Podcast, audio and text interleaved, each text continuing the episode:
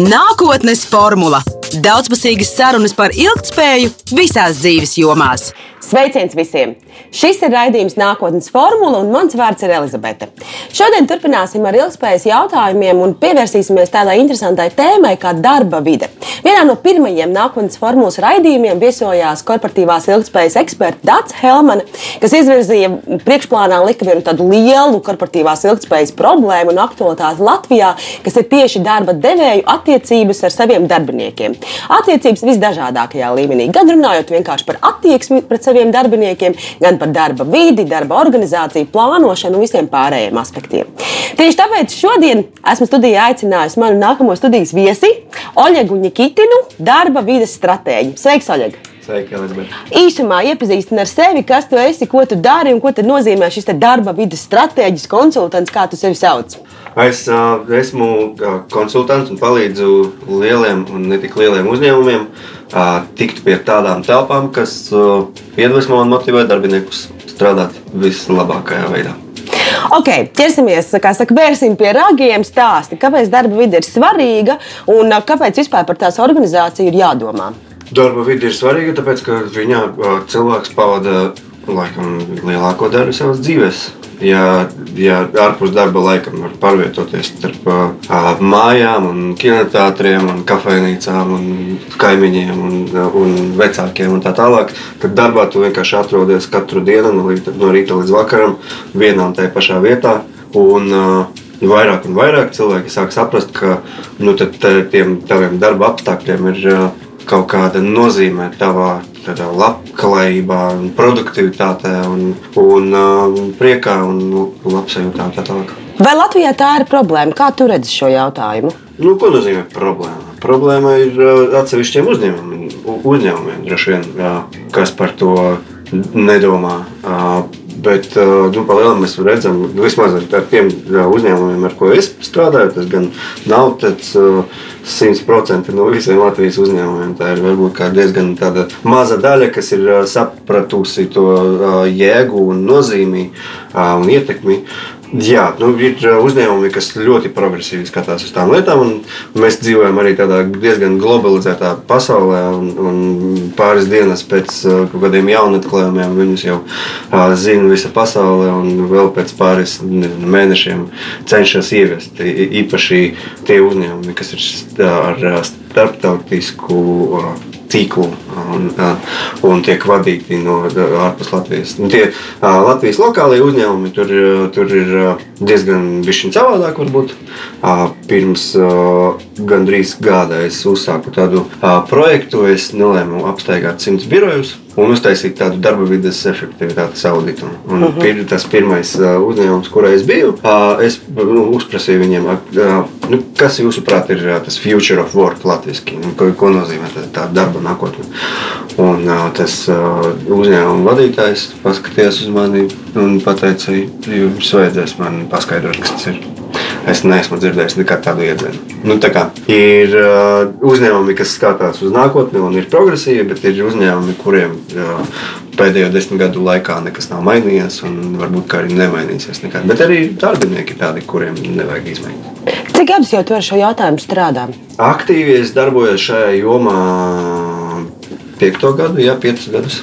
Bet tā pastarpināti mans pirmais projekts, kas bija saistīts ar, ar to, kā telpas spēja motivēt cilvēku kaut ko darīt savādāk, bija 11. gads. Bet, principā, es arī nāku no tās pasākumu uh, sfēras. Es uh mhm. -huh. strādāju pasākumu producēšanā kaut kādus, varbūt, gadus 20.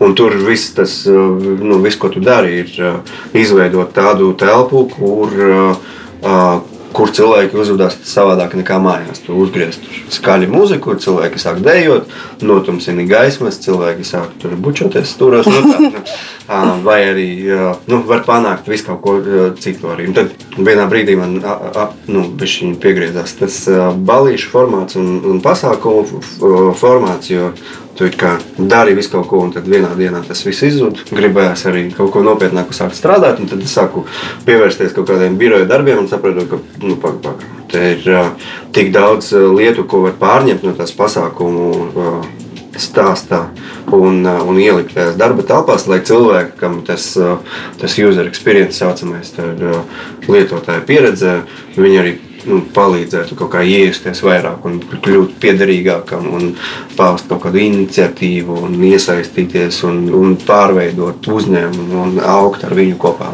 Tad sanāk tāda laba sinerģija starp tavu iepriekšējo pieredzi no pilnīgi citas industrijas un perspektīvas, un tagad ar pašreizējo ko tu, Diezgan, profesiju, jā, ko tu jā, dari. Jā. Kā, kā tajā biro, biroju dzīvē es, es cenšos ieviest kaut kādu mākslu, neteikšu, bet uh, baudu. Bauda ļoti svarīgs aspekts. Labi, ķeramies klāt ilgspējai. Kas ir jāņem vērā, domājot par ilgspējīgu un visticamāk arī nu, tas korelē ar kaut kādu ergonomisku darba vidi? Jā, nu, tā ergonomika arī ir laikam, viens no pirmajiem aspektiem, ka, kas ir jāņem vērā. Un tā ergonomika ir kaut kādi nu, tie vairāk tādi skaitliskie un saprotami aspekti, un ir arī tādi mazāk skaitliski un tādi efemēri vai ab abstrakti koncepti. Un tie skaitliskie ir tur, gaisa kvalitāte, gaismas kvalitāte, mēbeļu ergonomika, krēsls, galds, monitora kāja, spēja regulēt apgaismojumu un tā tālāk. CO2 līmenis, par kuru vairāk un vairāk vienkārši zina cilvēki. Mm. Īpaši ar to ārānēta sensoru, kas izgāja pirms gada un, un vairākos uzņēmumos ir nolikts uz galdiem vienkārši sensors, kas mēra CO2 līmeni. Es esmu redzējis vairākus uzņēmumus, kuru, kuru sapulču formāts tiek ļoti stipri ietekmēts no tā sensora. 40 mm. minūtes, tie PPM ir vairāk par 800, visas 10 minūtes, un mēs beidzam. Ja iepriekš cilvēki varēja sēdēt tajā telpā divas stundas un visi mika ciet un neko nedarīt, tad, tad tagad tie svarīgie lēmumi tiek pieņemti tajās pirmajās 50 minūtēs. Un, un tad, sapulce ir beigusies. Mm -hmm. Un kas ir tie abstraktie koncepti, ko tu minēji? Bez tā, ko mēs zinām, jā, tur regulējums kaut kādas pielāgojamas lietas, un tur ērtas, lai tur roku nespiež un mugura taisna. Un kas ir tie abstraktā puse no tajā visas ergonomikas? Tā, tā abstraktā puse jau tā, tā, tas, kur tas viss paliek ļoti interesants. Tur, uh, uh, nu, piemēram, Nu, pēdējā tāda ļoti interesanta tēma ir par akustiku darba vidē. Mm. Par to, ka akustika, ja viņa ir slikta, viņa spēj nomocīt cilvēku tā, ka uz, uz trījiem pēcpusdienā viņš vairs nespēja pieņemt lēmumus, strādāt produktīvi vai vispār ieņemt kaut kādu informāciju. Bet tad, kad tas akustiskais basics ir nokārtots, kad, kad cilvēks jau strādā kaut kādā vidē, kas viņam palīdz būt produktīvam, tad uh, var arī tās telpas kaut kā iekrāsot savādāk. Ar akustiku. Nu, ir, var izveidot tādu telpu, kurā gribas skaļi sarunāties, var izveidot tādu telpu, kurā negribas sarunāties vispār nemaz. Un, un tad caur tādiem maziem, varbūt darbiniekam nemanāmiem elementiem var viņa rīcību kaut kā vikstīt uz vienu vai citu pusi. Uh -huh. uh, un, uh, un īpaši, ja, ja, ja runa nevis par individuālu cilvēku, vienu izveidoja sev telpu, kas, uh kur skaļi uzvest.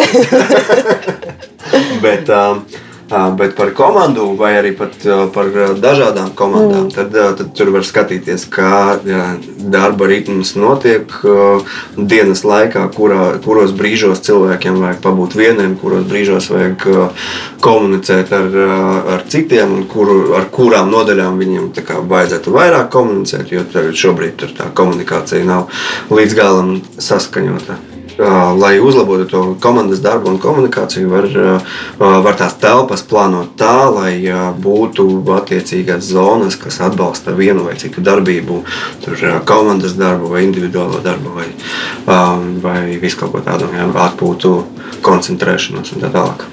Tas lielais atklājums, kas, nu labi, tagad, varbūt lielais atklājums, kas nāca tai globālai apziņai pirms uh, gada. Ir tāds, ka paga, paga, mēs tās uh, telpas taisām tik tur dinamiskas un radošas, un vai komunicēsim, ka darbinieki reāli nevar pastrādāt tur. Un, uh, un tad uh, pāris lielie uh, pētniecības uzņēmumi pagājušo gadu paskatījās uz to visu un, un pateica, nu, ja, ja 70% no mums ir introverti, ja 70% darba ir individuālais darbs, tad kāpēc mēs tās telpas pārveidojam par tādām komunikācijas telpām uz tā individuālā darba iespēju rēķina. Nu, mums ir vairāk kaut kādu sapulču telpu un atpūtas zonu, bet visi strādā atvērtajā birojā. Un, un tad, kad jā, jāstrādā ar galvu, tas padziļinātais darbs, tad cilvēki vai nu dara to mājās, vai nāk nu, piecos no rīta, lai kaut ko izdarītu. Nu, tas nav pareizi. Un tad mm. nu, vienmēr ir tas, tas trade-offs. Birojos ir bijis starp to individuālo darbu un komandas darbu vai komunikāciju. Tad, tad uh, visu laiku tie jā, svaru kausa ir jā, jāsabalansē, jā. kurā brīdī tu komandi. Jā, bet nu, tagad ir ļoti arī populāra forma šie atvērtā tipa biroji un arī beigās koprades un kopstrādes telpas un viss pārējais. Ja godīgi, lielākā daļā no tām es tomēr redzu diezgan liels problēmas, jo tur ir tieši tā, ka ja vien tu absolūti neiezombējies savā datorā, neuzliec milzīgas austiņas, mm. tu nevari tur reāli pastrādāt, tāpēc ka mm. visu laiku tas, tas čumu muģu un, un, un, un, un it, kā, it, kā, it kā stilīgi un skaisti, bet tajā pašā laikā absolūti neefektīvi tīri no individuālā darba viedokļa. Kā tu redzi to? Vai šīs telpas tiešām ir veidotas nepareizi, vai tas ir vienkārši zināšanas, kuras nebija tajā laikā, kad šīs telpas tika radītas? No nu, kopstrādes telpām tur ir bijuši savādākie droši vien akcenti un, un mērķi veidojot telpu. Jo okay, individuālais darbs ir viena lieta, bet nu, kāpēc cilvēki iet uz tādiem coworking vai kopstrādes birojiem strādāt? Viens no iemesliem ir tas, ka viņi ir tur savā karjeras ceļā, sākumā vai savas biznesa uzņēmējdarbības sākumā. Viņiem ir ļoti svarīgi tie jaunie biznesa kontakti, kas, tie, kas tādā kopstrādes telpā veidojas. Tur viens, divi, desmit mm. dienā. Tur visi pakalpojumi ir rokas stiepienā attālumā. Ja tev vajag pakonsultēties, tad te konsultēties. Es strādāju vienā coworkingā, kur pēc gada man nu, tieši tādā, tajā manā attīstības ceļa sākumā. Man pēc tā viena gada kaut kādi 70% pasūtījumi nāca caur kontaktiem, ko es mm. izveidoju tieši tur. Un tas notiek gada laikā, tā, tas, nu, tā ir tāda strauja izaugsmē. Jā, varbūt tas, tas individuālais darbs tur nav uh, iespējams tik labi kā citās vietās, bet, bet uh, jebkurā gadījumā tas individuālais darbs tur ir labāks nekā tur mājās vai kafejnīcā strādājot vai, uh, vai tā. Bet, uh, nu, tagad tam uh, kopstrādes formātam ir mazliet arī savādāk nozīme palikusi. Ja, ja pirms desmit gadiem tas bija vispār par to freelancēšanu, tad tagad tas ir vai, vairāk par uh, mazo biznesu un par kaut kādu iedzīgu.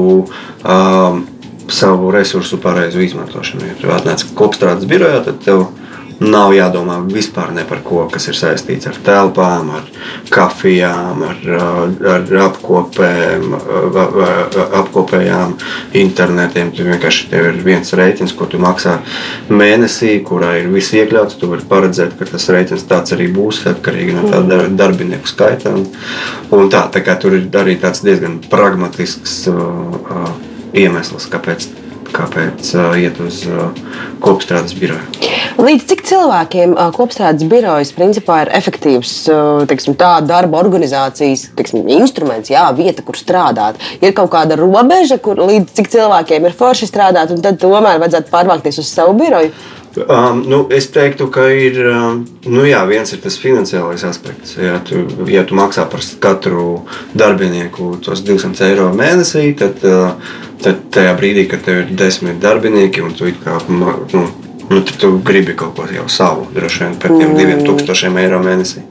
Un, nu, es esmu pamanījis, ka, nu, ja ir lielāks uzņēmums, tad, tad viņam parasti gribas arī tur, lai, lai logo sienas, lai, lai viss pa savām un tā. Nu, tā kā nu, tas 8 līdz 10 cilvēku skaits uzņēmumā ir tā, tāds sliekts. Man liekas, kad, kad jau jāsāk domāt par par uh, savu biroju. Bet man liekas, ka viss, kas ir mazāk par sešiem cilvēkiem, tur vispār nevajag par to mēģināt atrisināt saviem spēkiem. Par jaunākajām tendencēm, kas tad ir tās, tās modes lietas, par ko runā, ko tu darbojies savā profesijā un ko tu, ko tu iesaki saviem klientiem tieši darba vidas plānošanas jautājumos?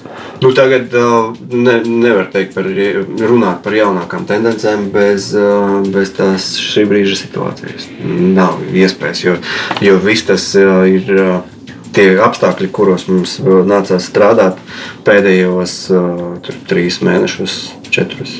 Viņi ir tik strauji izmainījuši kaut ko, tik, tik stipri sakustinājuši kaut kādas ar stereotipiem aizsargātas lietas. Nu, tas attālinātais darbs ir vienkārši mega aktuāls tagad. Mm.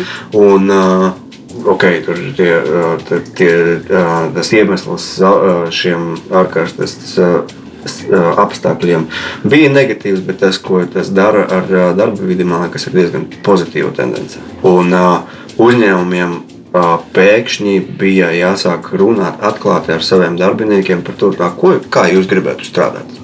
Nu, vispār tas jautājums par attālināto darbu, viņš pēkšņi kļuva tāds, nu, ko nevar ignorēt. Jo, ja mēs runātu pirms nezinu, pusgada par to ar vadītājiem, tad nu, mēs redzētu, ka 80-90% ir pret to, lai viņu darbinieki strādātu attālināti. Kādi tad es varēšu ieskatīties viņa ekrānā, ja viņš varbūt viņš lasa Facebook tajā brīdī. Mm. Un, Un tagad mēs redzam, ka cilvēki attālināti, viņi spēj strādāt, viņi spēj būt produktīvāki nekā, nekā darba vietā. Viņi strādā vairāk nekā, ja viņi atrastos darbā. Nu, jā, tur ar to ir vesela virkne kaut kādu psiholoģisko un organizācijas aspektu, ka cilvēkiem ir, kas strādā attālināti, dēļ vainas sajūtas par savu produktivitāti. Viņi ir tendēt izstrādāt vai, vairāk stundas, un tas, tas robežas starp darbu un nedarbu viņas nu, izplūst, un nu, darbinieki var vienkārši pārdegt vai, ātrāk. Un uh, izpumpēties. Jo, nu, ja tev ir darbā pārtraukums, tad tu vienkārši izēji ārā un kaut ko dari savā pārtraukuma laikā. Ja tev ir pārtraukums mājās, tad tu pieskatīji, vai bērns nav izkritis pa logu. Nu, nu, kaut kā tā. Uh, Nu, tas nu, tā, tā attēlotā darba aktualizācija vienkārši ir mainījusi diskursu tik tālu, ka, ka vairs nav jēgas ne par ko citu runāt. Un tad uzņēmumi ir sākuši runāt ar, ar saviem darbiniekiem, kā jūs gribētu strādāt. Un bija attēlotā darba proponenti kas, kuriem likās, ka visi gribēs 70, 80% laika pavadīt strādājot no mājām. Bet nu, īstenībā tā situācija ir savādāka. Ir kaut kāda daļa cilvēku, apmēram nu, vienā uzņēmumā, ar ko es, es runāju. Tur cilvēki iedalījās trīs kategorijās un diezgan vienādās pēc cilvēku skaita. Viena ir kategorija, kas grib strādāt tikai mājās, otra ir kategorija, kas grib strādāt tikai birojā. Uh mhm. -huh. Un trešajā var, nu, grib miksēt tos, tās pāris dienas tur un trīs dienas tur. Un, nu, man bija tāds pārst, nu, pārsteigums par to, ka ir cilvēki, kas negrib ne, nekādā veidā strādāt mājās, kuriem mm. ir uh, svarīgs tas, uh, tas, ka viņi atnāk uz darbu, tas, ka viņi atstāja to māju padarīšanu ārpus darba un, un tā tālāk.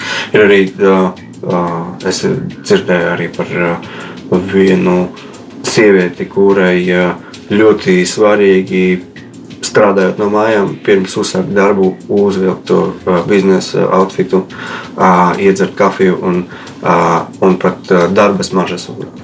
Mm. Jo, jo tas viņu mobilizē, jā, mūdā, jā, kā, jā, noskaņā uz darbu. Tā kā, uh, Tad tu domā, ka šis darbs no mājām kļūs par mūsu principā, daļu no, no, jā, no darba vidas no organizācijas jā, jā, jā, un plānošanas? Daļa no, no, no tās sarunas. Un tad, ja cilvēki, nu, arī ja cilvēki ir, ja ir divas trešdaļas, kas, kas strādā attālināti vismaz vienu dienu nedēļā, tad, nu, tad tai biroja nozīme ir bijusi savādāka. Jo uz biroja tad darīt tos individuālos darbus, nāk tikai tā viena trešdaļa cilvēku. Pārējie uz biroju nāk vairāk pēc, pēc tās socializēšanās un komandas darba. Mm. Izrunāt, jā, izrunāt kaut kādas degošās lietas, aci pret aci, nevis attēlināt. Lielās sapulces jā. un, un kaut kāda jā, tikšanās ar klientiem vai kas. Uh, jā, ir viens uzņēmums, ar kuru es strādāju, kuri pēc tādas aptaujas, ko es gribētu saglabāt no pēc, pēc ārkārtas situācijas beigām. Viņi teica, ka viņi gribētu atteikties pavisam no regu, regulāras sapulcēm lielā sastāvā. Jo tas ir valsts uzņēmums un tas sapulces viņiem ir diezgan daudz. Mm. Un tas formāts, kad tev ir ieslēgts uh, video, un tu viņu fonā klausies un pieslēdzies tikai tad, kad, vajag, nu, kad tev ir vajag, uh, tas ir ļoti efektīvs tā kā viņi vienbalsīgi atbildēja, ka viņi gribētu, lai visas sapulces pēc, pēc šī visa uh, notiktu tikai online. Bet tur īstenībā ir daudz plusi. Var samazināt biroja telpas, mazākas izmaksas, visu to infrastruktūru. Esošo infrastruktūru var iekārtot un uztaisīt daudz foršāku, tur ar labāku dizainu un, un stilīgākām lietām. Un, bet tad jautājums, ko darīt tiem cilvēkiem, kas ir tajās mājās? Nu, kā lai mēs norobežojam un sakārtojam to vidi tā, lai beigās nav tā, ka mēs gultā ēdam, gultā strādājam, turpat paguļam ar datoru blakām, attaisam atkal vaļā un turpinam tālāk strādāt. Kāda būtu tā ieteikuma šai pašorganizācijai brīdī, ja tev ir tā iespēja strādāt? Strādāt no mājām. Jā, nu, tā, tur arī ir jau veikti pētījumi, un jau cilvēki ir aptaujāti kaut kādi desmit tūkstošu apjomos. Un, nu, ir tiek secināts, ka nu, tas mental health vai psihiskā veselība jā. Jā, mm. spēja palikt nepazaudēt savu prātu. Viņi ir tikai tiem cilvēkiem, kuriem ir atsevišķa telpa vai atsevišķa, vismaz, atsevišķa zona, kur viņi strādā. Tiem cilvēkiem, kas strādā vienā telpā ar, cit, nu, ar bērniem vai, vai laulāto vai partneri pie virtuves galda, nu, tas nu, tur bišķiņ, tā, tas prieks par to visu attālināto darbu krīt. Mm. Tā kā, nu, ja, ja ir iespēja iekārtot sev vidi strādāšanai, tad, tad jā, forši to var darīt. Ja nav tādas iespējas, tad nu, grūti sasniegt to pašu līmeni, kas cilvēkam ir strādājot birojā. Kas ir tādas varbūt praktiskās lietas vai tādas mazas detaļas, nezinu, kādā, kādā krāsā jābūt birojam, kādas krāsas, ko mums, ko mums vēsta, ja kā mūs ietekmēs, nezinu, vai tur ir jāizmanto kaut kādi biroja aromatizētāji, nezinu, vai gaisa smaržai ir kaut kāda nozīme, ja, kas mūs tur nomierina vai, vai, vai, vai tur motivē strādāt, vai vēl kaut kā. Kas ir tās mazās lietiņas, ko tu varbūt tās iesaki saviem klientiem, varbūt ko tu esi pats notestējis praksē? Mm. Nu, man liekas, ka. ka uh Tas uh, stāsts par krāsām ir tāds uh, lielā mērā bullshit. Griežam laukā pīkšķi. Tāpēc, ka nu, viņi nu, lielā daļa uzņēmumu viņi interpretē nepareizi. Viņiem liekas, ka mēs tos ieliksim zaļā krāsā, mēbeles telpā, un tad cilvēki kļūs inovatīvi vai gribēs tur dinamiski augt un attīstīties, vai ieliksim sarkanās sienas, un cilvēki būs cīnītāji, agresīvi. Bet tā, tas tā, nu, tā pieeja jābūt savādākai. Ir tāds vārds biofilijā, jā, tieksme pēc tā, līdzības ar dabu. Nu, cilvēks mīl visu, kas ir saistīts ar dabu. Visas uh, neregu, uh, nu, uh, dabā sastopamās krāsu gamas, mm -hmm. augi. Um, tie paši kaut kādi ūdeņi, vai nu, akmeņi, vai kaut kas tāds. Nu, cilvēkam ir. Jo, viņš spēja savu stresu noņemt caur, caur, caur saskarsmi ar dabu. Tā kā ja ir iespēja salikt savā darba telpā pēc iespējas vairāk augu, man liekas, ka tas par nevar būt par, par daudz. Kā ar nezinu, mēbeļu formām? Nu, vai mēs varam aizbraukt uz kādu tradicionālo lielveikalu, nopirkt masu produkciju un cerēt, ka tas strādās un funkcionēs, vai mums ir jāiet dārgos dizaina veikalos un jāpērk kaut kas ekskluzīvs?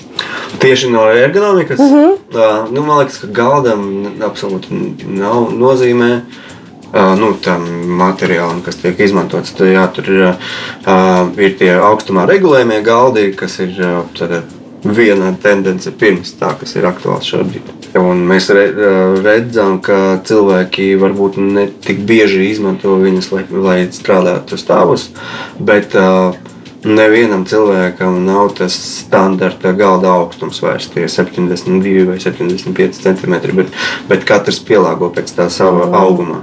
Un tas ir svarīgi, ja, ja nu, nu, tie pāris milimetri, kas ir pielāgoti tieši tev, mm. galda ziņā, te, nu, tas ir diezgan svarīgs aspekts.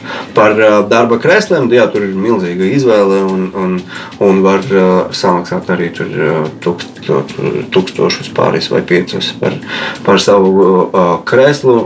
Krēsls droši vien ir viena no svarīgām lietām. Tur ir, lai tie roku balsti būtu, un lai, uh, lai viņi būtu regulējami, un tad, lai, uh, nu, lai viņš būtu dinamisks. Uh, bet uh, vēl viena lieta, ku, par kuru mēs uh, bieži aizmirstam, ir uh, monitora kāja.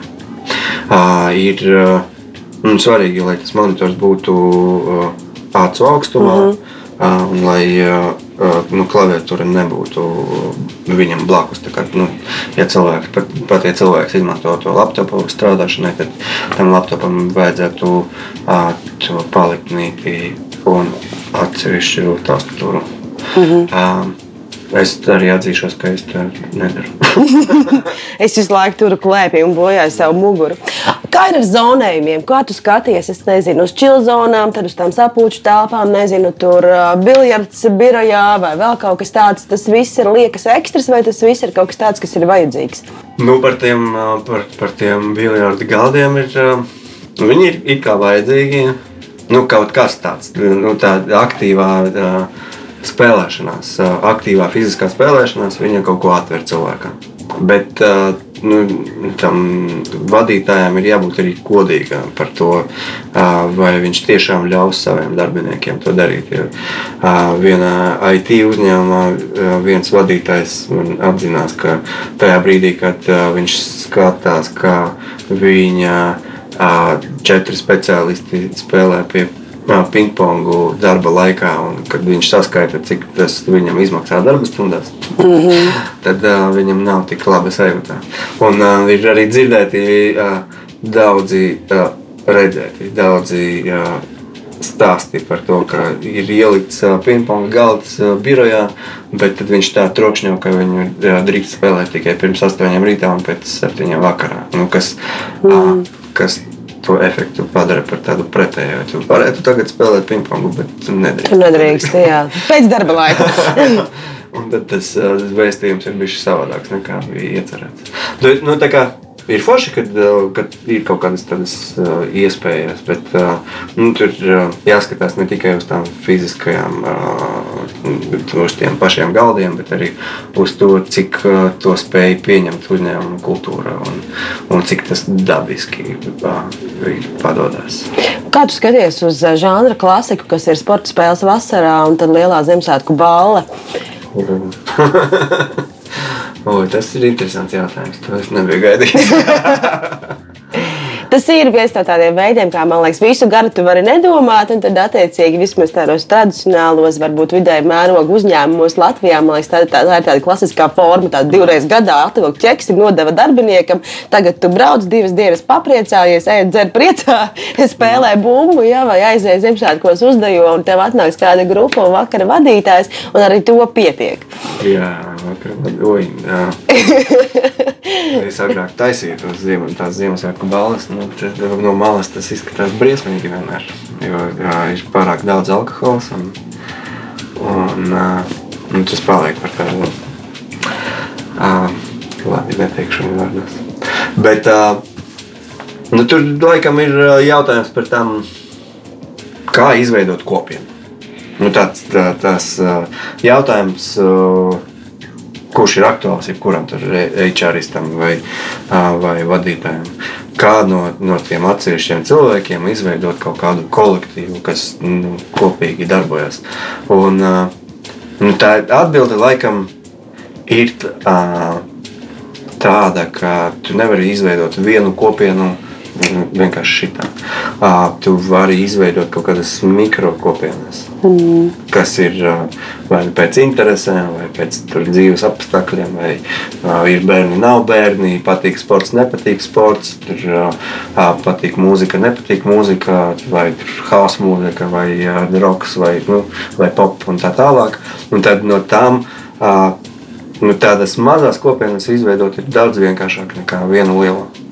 Un, un tad, ja tu iz, vispirms izveido tās kopienas, un pēc tam uh, saved viņus kopā, nu, tā kā viens tur šmorē ar savu, un cits dekorē, un trešais vēl kaut ko. Nu, es utrīroju, bet nu, aptuveni tā. Un tad jau no tā visa veidojas kaut kāda, kaut kāda tāda dzīve. Um, Vienā uzņēmumā es taisīju pētījumu par to, par to kas viņiem no tiem korporatīviem pasākumiem patīk. Un, un mēs pamanījām, ka ir 20%, cilvēki, 20 cilvēku, kuriem interesē tikai sports.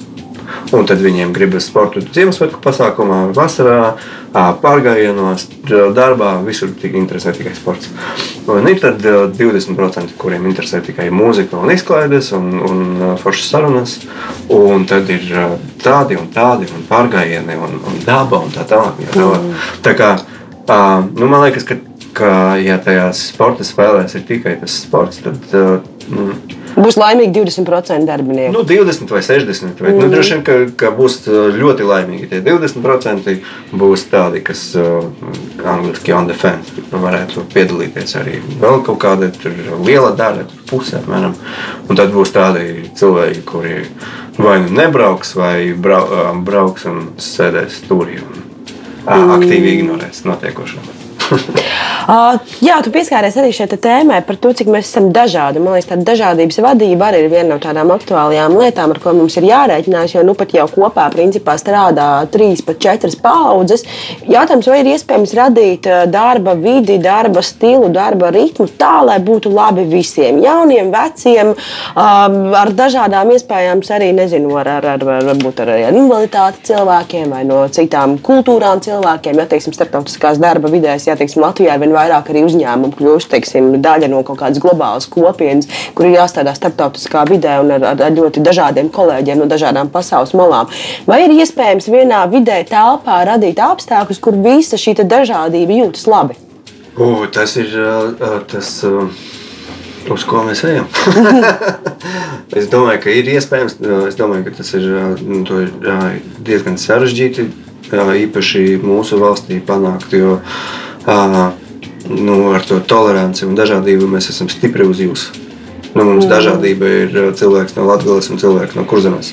uh, nu, mēs ne, ne, es neatceros pēdējo reizi, kad es biju uh, telpā ar pārstāvjiem no trīs dažādām rasām, piemēram. Mm. Nu, Mēs ļoti teoreti, nu, teoretiski liekas, pieejam tam visam. Mums ne, nav bijusi saskarsme ne ar uh, rasismu, ne, nu, nu, ne ar tādām uh, lietām, kas skar dažādību. Jā, mēs, mums ir uh, izdevīga situācija ar to, ka sievietes vadītājas mums ir vienmēr bijušas uh, 50% vai vairāk. Bet, un, un tas arī bijis arī pirms tas jautājums aktualizējās globālajā mērogā. Uh, bet uh, ar to dažādību tur laikam ir jāatrod pieeja katram tam dažādajam cilvēkam. Ir, nu, viens no, tie, no tādiem uh, vienkāršākiem piemēriem ir, uh, kad uh, ir uzņēmumi, kas nolēma, ka okay, mēs pāriesim no nākamā gada pāriesim uz to paperless režīmu, kad uh, nav papīra dokumentu apritē. Un, uh, Un mēs visi uz to ejam, un forši tur ir digitālie rēķini, un parakstām ar e-parakstiem, un, un tā tālāk. Un tā tālāk. Bet ir divi cilvēki, kuri strādā ar, ar papīra dokumentiem. Nu, nu, nevar viņi iztikt, jo ir kaut kādi darba līgumi vai, vai kaut kādi arhīvi. Nu, nevar viņi bez papīra dokumentiem iztikt. Bet, ja mēs izveidosim tādu uh, biroju, kur papīra dokumentiem vispār nav vietas, mm. tad uh, No, ko darīs tie divi cilvēki? Nu, viņi teiks, ka nu, okay, mēs strādājam paperless uh, birojā, tāpēc visus dokumentus turam sev zem galda. Nu, Nu, ja mēs neradīsim uh, uh, labvēlīgus apstākļus katram no, no tām, katrai no tām grupām, tad, uh, uh, tad mēs izgāzīsimies ar šo uh, ieceri. Bet tas viss, par ko mēs runājam, uh, ir dārgs prieks. Vai to var atļauties tikai turīgi, jaudīgi, jaudīgi lieli uzņēmumi, vai tas ir kaut kas, kas ir sasniedzams arī salīdzinoši tiksim, tā, ar pieticīgiem līdzekļiem, vai arī ar tiem pašiem līdzekļiem, ko uzņēmums tērē jebkurā gadījumā?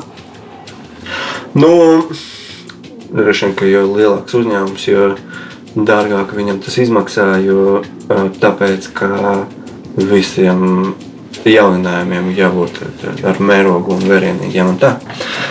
Bet palielam visu, ko mēs vēlamies panākt, ir kaut kāda cien, cieņpilnā, empātiska attieksme pret darbiniekiem.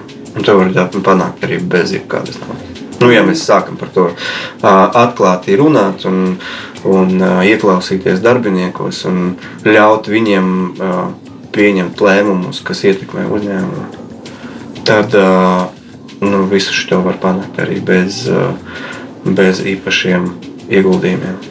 Kas ir tie pirmie soļi, kas būtu jādara? Meklēt pētījumus, zvanīt tev, sasaukt visus uz lielo sapulci un pārmaiņas pēc runāt nevis par, par šīs nedēļas un mēneša mērķiem un pārdošanas plānu, bet par to, kā mēs tagad pārkrāsosim birojās sienas. Es domāju, ka pirmais solis būtu atrast tādu iespēju vai formātu, kur darbiniekiem nodot lēmumu pieņemšanas spēju. Un, uh, tas var būt caur uh, kaut kādām iekšējās inovācijas programmām, kad uh, darbiniekiem tur nezinu, x stundas uh, mēnesī tiek ļauts uh, strādāt pie tām lietām, kuras viņiem interesē. Tur, vai tas ir saistīts ar iekšējo kultūru, vai ar, ar uzlabojumiem produktos, vai ar procesi, procesu izmaiņu, vai kaut ko tādu. Tad, ja tajā brīdī, kad darbinieki redzēs, ka viņi ar saviem lēmumiem, ar saviem viedokļiem var ietekmēt notiekošo uzņēmumu, tad, tad tas process arī aizies. Vai tas nesamazina uzņēmumu vadītāju autoritāti? Nē, tā, nu kā autoritāte jau nu, ir par, par to kursu, kuru, kuru iet uzņēmums. Un, nu, tas kurs var būt autoritatīvi nolemts, bet, ja, ja darbinieki nepiekrīt, nu, tā sirdī nepiekrīt tam, kur virzienā dodas uzņēmums, tad viņi vai nu nestrādās ilgtermiņā, vai būs nelaimīgi.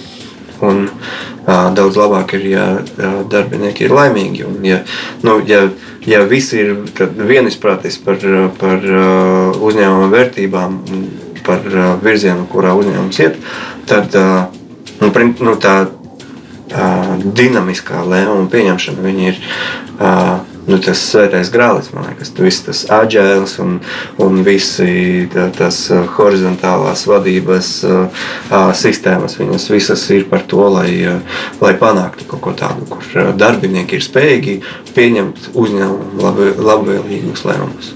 Un darba vide ir viens no šiem faktoriem, kas palīdzēs to izdarīt efektīvāk. Jā. Ko darīt ar netolerantiem kolēģiem? Nu, ja mums ir šīs kopstrādes telpas un kāds pa skaļu runā un dara to regulāri, ir kaut kāds ētikas kodeks vai ir kaut kādas labās prakses, kā, kā varbūt tās cilvēkiem, kam ir ļoti plaša komforta zona un kas varbūt tās nejūt to kopējo situāciju, kādā veidā to komunicēt un kā ar šādām situācijām tikt galā. Ko darīt? Jautājumi no personīgās pieredzes, jo es arī darbojos kopstrādes telpās, un tur ik pa laikam ir tā, ka tur tāds gaisā spriedze, ka nevar saprast, kā lai viņam jau 75. reizi pasaka, ka šis ir kopstrādes telpas, un tad es slēpjos virtuvē, lai parunātu pa telefonu vai vispār izēju uz ielas to darīt, jo viss apkārtējie, kā saka, process, process ir, ir netolerants, teiksim tā. Nu, um Lielos vilcienos man liekas, jā, jābūt netolerantam pret netolerantiem cilvēkiem. Jo es nu, par kopstrādes telpām runājot, okay, tas ir tā, kā kop, kopstrādes telpa vadītāja pienākums. Tev teikumā ir noteikumi, kā uzvesties? Nu, viņi ir rakstīti vai nerakstīti, bet mm. līdz viņiem nonāk. Un tad nu, forši, kad, kad tā, tie cilvēki paši arī vienojas par tiem noteikumiem. Mums ir bijuši gadījumi, kad tur, mēs mēģinājām slēgt mūziku. bet kādam tā mūzika nepatīk, un tāpēc viņu, viņi ir jāslēdz ārā. Mums ir bijuši gadījumi, kad cilvēki ļoti skaļi runā, un tad mēs viņiem ierādām kaut kādu citu vietu, kur, kur to darīt. Jā, principā, tas, nu, ja, ja tie noteikumi uh, ir uh, rakstīti visiem kopā sanākot, tad arī visi mēģina pieskatīt, lai tie noteikumi strādā. Un tad, tad vadītājiem nav jābūt uz vietas visu laiku, lai, uh, lai čekotu, ka tas notiek tā arī. Bet, uh, nu, ja runa ir par uh, darba kolektīvu un, un, un kaut kādiem cilvēkiem, kas uh, atklāti ignorē vai niecina to, par ko visi ir vienojušies, tad nu, es teiktu, ka kultūras dēļ varētu arī atradīties no vislabākajiem speciālistiem, ja viņi izjauc uh, to kolektīvā pozitīvo noskaņu. Noslēdzot mūsu sarunu, tā ieteikumi darbam vasarā gan darba devējiem, gan arī darbiniekiem. Strādāt labi ventilētās telpās ar temperatūru ap 23, 24 grādiem. Ieteikums numur viens - kārto balansu starp to, ka darbs no mājām vai darbs no laukiem vai vēl kaut kā tā. Vai šis ir tas brīdis, kad varbūt darba devējiem ir laiks notestēt iespēju saviem darbiniekiem, piemēram, bez atvaļinājuma režīma strādāt no laukiem? Um, es domāju, ka ir jā, jātestē tas. Ja, ja ir jautājums par to, kā to praktiski izdarīt, tad uh, nu, ir tāds viens paņēmiens, kad uh, uzņēmums vienojas par tādiem biznesa hours nu, par, par, tiem, par tām stundām dienā, kad darbiniekam ir jābūt pieejamam mm -hmm. bez variantiem. Tur, nu, piemēram, no 10 līdz 4 dienām.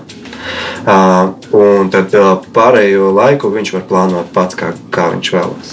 Uh, vai arī var, nu, ir uzņēmumi, kas strā, nolēma, ka vasarā viņi strādās no 7 rītā līdz 4 dienām lai vakari būtu brīvi, vai arī uh, strādās četras dienas ilgāk, un tad uh, piekto dienu vai ņem brīvu, vai strādīt, strādā tikai pusi dienas. Nu, to visu var kaut kā variēt. Un, nu, darbinieki droši vien paši pateiks, kā viņiem būtu vispiemērotāk strādāt. Šī gadījumā tu aicini arī darbiniekus būt proaktīviem un vērsties pie saviem darba devējiem ar ierosinājumiem. O, jā. Pat ne ar ierosinājumiem, bet, bet ar nostādot viņus faktu priekšā. Jo ierosinājumi mēdz būt ignorēti.